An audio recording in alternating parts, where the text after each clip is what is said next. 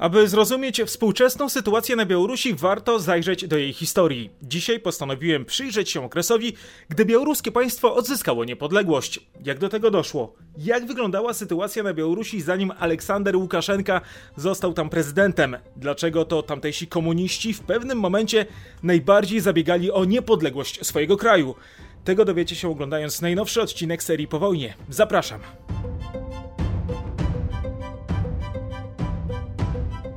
Kiedy w ZSRR do władzy doszedł Michał Gorbaczow, w całym ogromnym państwie nastąpiła odwilż. Nie dotyczyło to jednak Białorusi, gdzie silnie zrusyfikowane elity polityczne i intelektualne z dużą determinacją broniły ideałów państwa komunistycznego. Poszanowanie dla języka i kultury białoruskiej było znikome. Jednym z najważniejszych wydarzeń przełamujących ten trend było zorganizowane w Mińsku w kwietniu 1986 roku Misterium Budzenie się Wiosny, nawiązujące do dawnych białoruskich tradycji.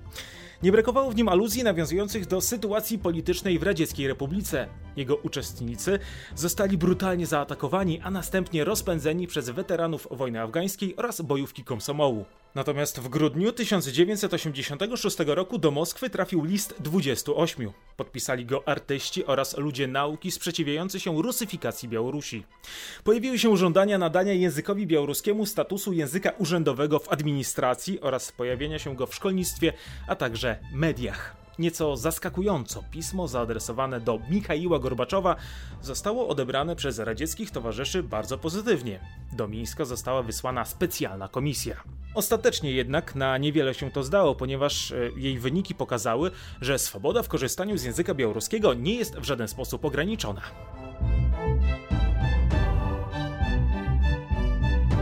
Oczywiście sygnatariusze listu zostali ostro skrytykowani przez białoruskie elity partyjne.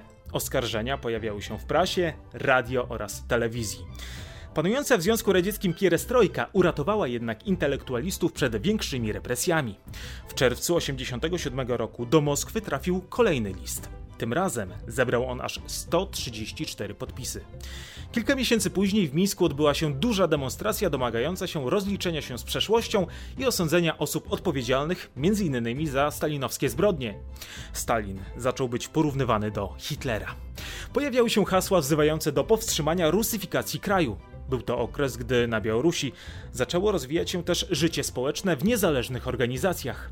Ponad połowa studentów należała do nieformalnych grup kulturalno-społecznych. Warto jednak zaznaczyć, że w zdecydowanej większości nie były one przeciwne panującemu ustrojowi.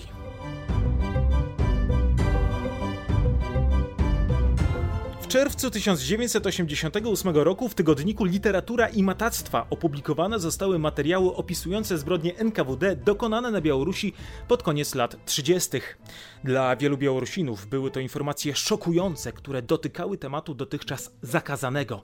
Powołana została specjalna komisja, która miała potwierdzić lub zaprzeczyć podanym w tygodniku informacjom. Wnioski trwającego przez rok śledztwa były jednak jednoznaczne. Kilkadziesiąt tysięcy szkieletów zakopanych w lesie niedaleko Kuropat to szczątki ofiar NKWD.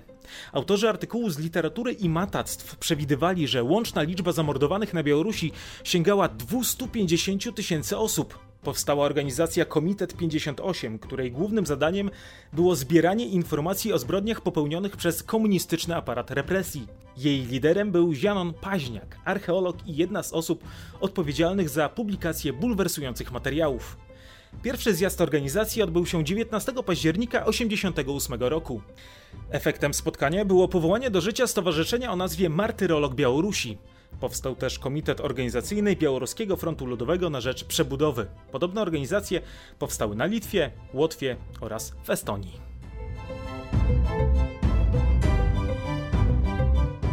Do nowej organizacji wstępowało coraz więcej osób. 30 października 1988 roku w Mińsku odbyła się ogromna manifestacja. Wiele osób zabrało ze sobą flagi narodowe. Podczas protestu doszło do starć z milicją, co wpłynęło na nastroje społeczne panujące na Białorusi. Komuniści zaczęli tracić społeczne poparcie. Białoruski Front Ludowy zaczął wydawać własną gazetę o nazwie Nawiny. Autorzy artykułów odwoływali się w niej do białoruskich tradycji państwowych, a w tym m.in. Księstwa Potockiego i Wielkiego Księstwa Litewskiego. Za prawomocny początek istnienia państwa białoruskiego podawali datę 25 marca 1918 roku. Pojawiały się wnioski, że białoruskie elity polityczne reprezentują interesy obcego państwa. W odpowiedzi na te oskarżenia komunistyczna propaganda poprzez media przekonywała społeczeństwo, że Białoruski Front Narodowy to przede wszystkim nacjonaliści, którzy zagrażają przyjaźni rosyjsko-białoruskiej.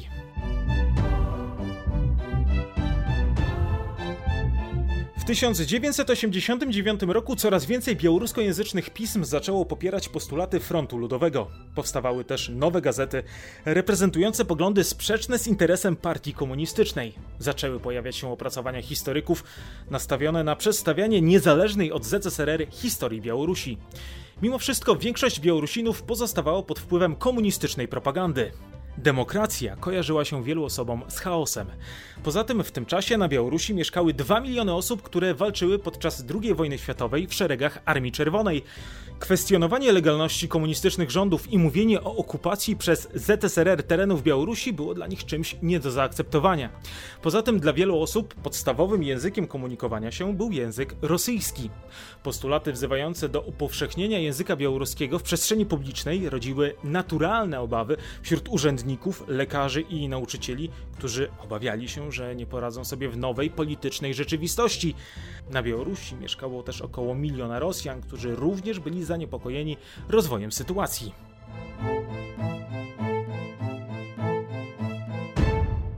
14 stycznia 1989 roku powstała Konfederacja Białoruskich Stowarzyszeń Młodzieżowych. Miesiąc później, wspólnie z Białoruskim Frontem Ludowym, zorganizowała w Mińsku manifestację, w której wzięło udział prawie 40 tysięcy ludzi. Komunistyczne władze starały się powstrzymywać niebezpieczny trend.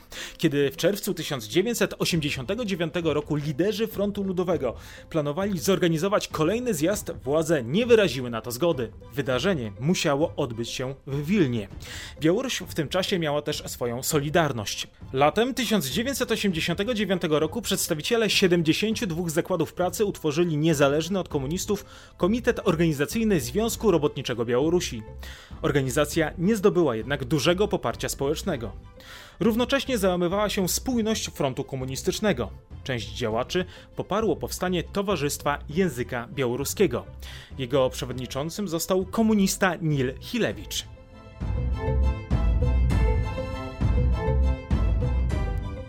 Ale to zdecydowanie sytuacja międzynarodowa odegrała kluczową rolę w pełnym rozwinięciu się idei niepodległości Białorusi. W lipcu 1990 roku suwerenność ogłosiły Litwa, Łotwa, Estonia, Ukraina oraz Rosja. W odpowiedzi na te wydarzenia Białoruska Rada Najwyższa postanowiła ogłosić deklarację o suwerenności państwowej Białoruskiej Socjalistycznej Republiki Radzieckiej.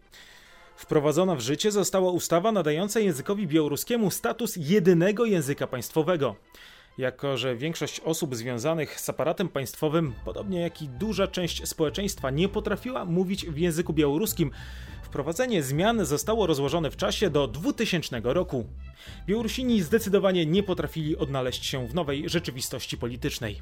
Obywatel na Białorusi zawsze był przedmiotem, a nie podmiotem polityki. Białoruscy obywatele byli silnie podporządkowani władzy. Po ujawnieniu komunistycznych zbrodni nikomu nie przyszło do głowy, aby zburzyć pomniki Lenina i Dzierżyńskiego, a nazwiska osób odpowiedzialnych za zbrodnie na Białorusi nadal patronowały nazwą ulic i placów.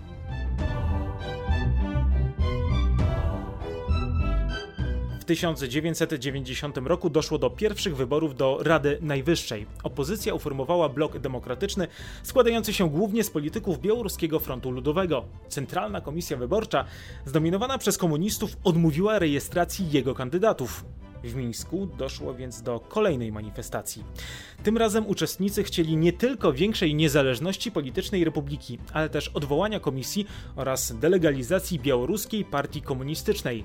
Sytuacja była na tyle napięta, że druga strona postanowiła odpuścić, a kandydaci bloku demokratycznego ostatecznie zostali zarejestrowani na kartach wyborczych. Po dwóch turach głosowania aż 86% głosów i miejsc w Radzie Najwyższej zdobyli kandydaci Komunistycznej Partii Białorusi opozycja uzyskała zaledwie 67 mandatów w liczącej 327 miejsc Radzie. Celem Frontu Ludowego było odzyskanie pełnej niepodległości. Podczas obrad Rady Najwyższej zaczęły pojawiać się pomysły nacjonalizacji majątku KPZR oraz Komsomołu. Opozycja domagała się odebrania komunistom kontroli nad mediami i wojskiem. Po sformułowaniu deklaracji o suwerenności Republiki Białoruskiej źródłem obowiązującego prawa stała się jej konstytucja. Rząd otrzymał prawo tworzenia własnego wojska, milicji oraz służb bezpieczeństwa. Jednocześnie sytuacja białoruskiej partii komunistycznej była coraz trudniejsza. W Moskwie komuniści tracili poparcie. Władzę przejmował Borys Jelcyn. Na Białorusi coraz więcej osób zaczęło oddawać swoje legitymacje partyjne. Kiedy w Rosji w sierpniu 1991 roku doszło do nieudanego przewrotu wojskowego, co umocniło pozycję Borysa Jelcyna, komuniści na Białorusi, obawiając się represji z jego strony, zaczęli wspierać wszelkie dążenia niepodległościowe promowane przez opozycję. 24 sierpnia 1991 roku Rada podjęła uchwałę o wystąpieniu Białorusi z ZSRR oraz ogłosiła niepodległość państwa. Co ciekawe, jednym z głównych orędowników takiego rozwiązania był pierwszy sekretarz komunistycznej partii Białorusi. Kilka dni później Rada zawiesiła działalność KPZR na terenie całego kraju.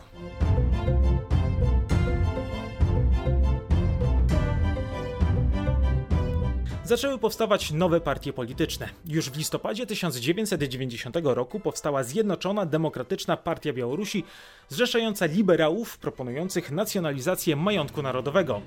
Wiosną 1991 roku powstała centrolewicowa białoruska socjaldemokratyczna chromada starająca się zjednoczyć wyborców komunistów oraz zwolenników niepodległości kraju. Chromada co prawda opowiadała się za niezależną Białorusią, ale jednocześnie wzywała do dalszych bliskich relacji z Rosją. W tym czasie powstała też Białoruska Partia Chłopska. Ugrupowanie domagało się przywrócenia prywatnej własności ziemi. Łącznie na początku lat 90. na Białorusi działało około 20 partii politycznych. Były to często niewielkie organizacje, nie mające nawet kilkudziesięciu członków. Natomiast jednym z największych problemów odrodzonej Białorusi było utworzenie własnej armii. Większość oficerów stanowili Rosjanie. Z nowym państwem nic ich nie łączyło. Dopiero w lutym 1992 roku zmieniona została przysięga wojskowa deklarująca wierność wobec białoruskiej władzy. Co ciekawe, ci, którzy tego nie zrobili, nie zostali wydaleni z armii, lecz nadal aktywnie w niej działali, często zajmując kluczowe stanowiska.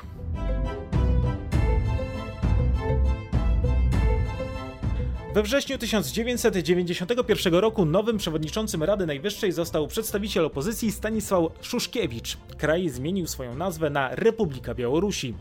Nowe państwo otrzymało biało-czerwoną flagę z herbem pogoni. Jednocześnie władza wykonawcza pozostała w rękach komunistów, którzy w nowej sytuacji politycznej stali się bezpartyjni. To oni byli odpowiedzialni za wprowadzenie w państwie gospodarki rynkowej. Z dnia na dzień rodziły się fortuny osób związanych z obozem władzy. Następowało uzależnianie gospodarki od jednej opcji politycznej. Co ciekawe, byli komuniści zaczęli opowiadać się za demokratyzacją życia. Jednocześnie byli przeciwnikami nacjonalizacji komunistycznego majątku. Jednym z największych obrońców komunistycznych wpływów był Aleksander Łukaszenka. To dzięki niemu były Komunistyczny Związek Młodzieży Białorusi, nazywający się wtedy Białoruskim Związkiem Młodzieży, zachował olbrzymi majątek. Poza tym w mediach promowany był pogląd, że za chaos w państwie odpowiada opozycja oraz źle rozumiana przez nich demokracja.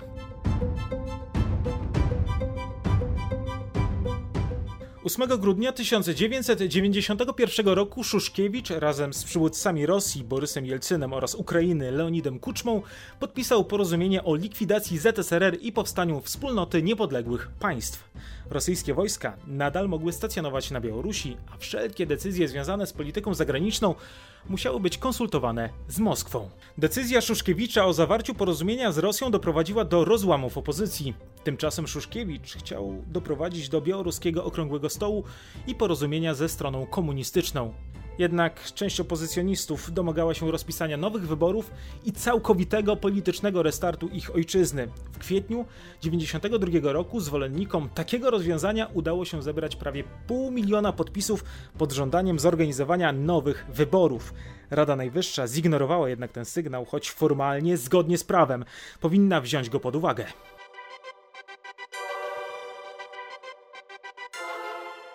Większość komunistyczna dążyła do wprowadzenia na Białorusi systemu prezydenckiego. Opozycja, obawiając się komunistycznej dyktatury, chciała większej władzy w rękach premiera. Wierzyła, że tylko w ten sposób może zachować jakikolwiek wpływ na losy kraju. Równocześnie w czerwcu 1992 roku Sąd Najwyższy zarejestrował Komunistyczną Partię Białorusi. W tym samym momencie powstała też Zjednoczona Agrarno-Demokratyczna Partia Białorusi, reprezentująca interesy dyrektorów kołchozów. Oczywiście była ona przeciwna wszelkim zmianom w rolnictwie. 20 lipca 1992 roku premier Białorusi podpisał ze swoim rosyjskim odpowiednikiem szereg umów wojskowych przywracających silny związek militarny obu krajów. Przyjęty w grudniu tego samego roku program reorganizacji sił zbrojnych Białorusi zakładał białoruską armię w sile 60 tysięcy żołnierzy uzupełnioną przez 100 tysięczne rosyjskie wojsko stacjonujące na terenie kraju.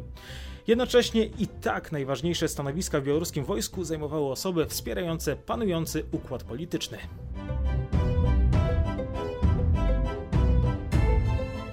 Białoruskie władze zdecydowanie dążyły do większej integracji gospodarczej, militarnej i politycznej z Rosją. Dlatego we wrześniu 1994 roku opozycja podpisała porozumienie pod nazwą Wiosna 94. Jej liderem został Szuszkiewicz, któremu niespecjalnie spodobała się wizja wojskowego uzależnienia Białorusi od Rosji.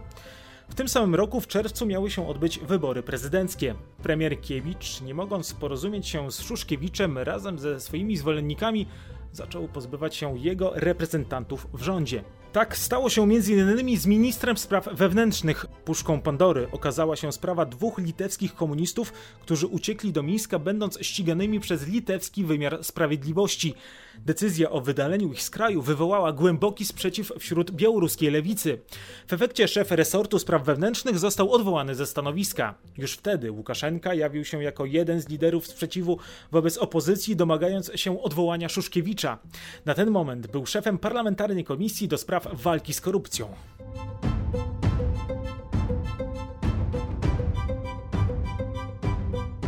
26 stycznia 1994 roku Szuszkiewicz został odwołany ze stanowiska szefa Rady Najwyższej. Zastąpił go generał milicji Mieczysław Chryb.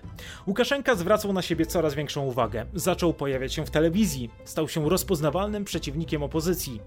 Rzucał oskarżeniami o korupcję. Mówił o działalności zachodnich szpiegów, którzy doprowadzili do upadku ZSRR. Był do tej roli doskonale przygotowany. Wcześniej pracował w sektorze propagandy Komsomołu.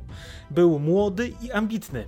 Tymczasem premier Kiewicz nie mógł się czuć pewnym zwycięzcą w nadchodzących wyborach prezydenckich. Na Białorusi żyło się coraz biedniej.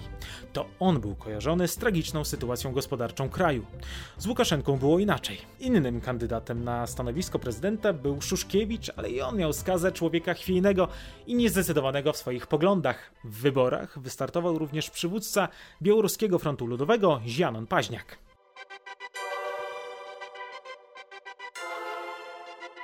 Swojej kampanii prezydenckiej Aleksander Łukaszenka opowiadał się za sprawiedliwym państwem. Był przeciwnikiem gospodarki rynkowej. Zapowiadał, że zwalczy korupcję. Te postulaty przyniosły mu szerokie poparcie społeczne. W pierwszej turze wyborów z 19 czerwca zdobył aż 45% głosów. Premier Kiewicz był drugi. Zagłosowało na niego 17% wyborców. Paźniak miał 13% głosów, a Szuszkiewicz 10%. W drugiej turze Aleksander Łukaszenka zdobył aż 80% głosów i to on został pierwszym prezydentem Białorusi. A jakie były dalsze losy naszego wschodniego sąsiada? Tego możecie dowiedzieć się oglądając kolejne odcinki serii po wojnie. Ja tymczasem dziękuję za uwagę, zachęcam do subskrybowania kanału i do usłyszenia.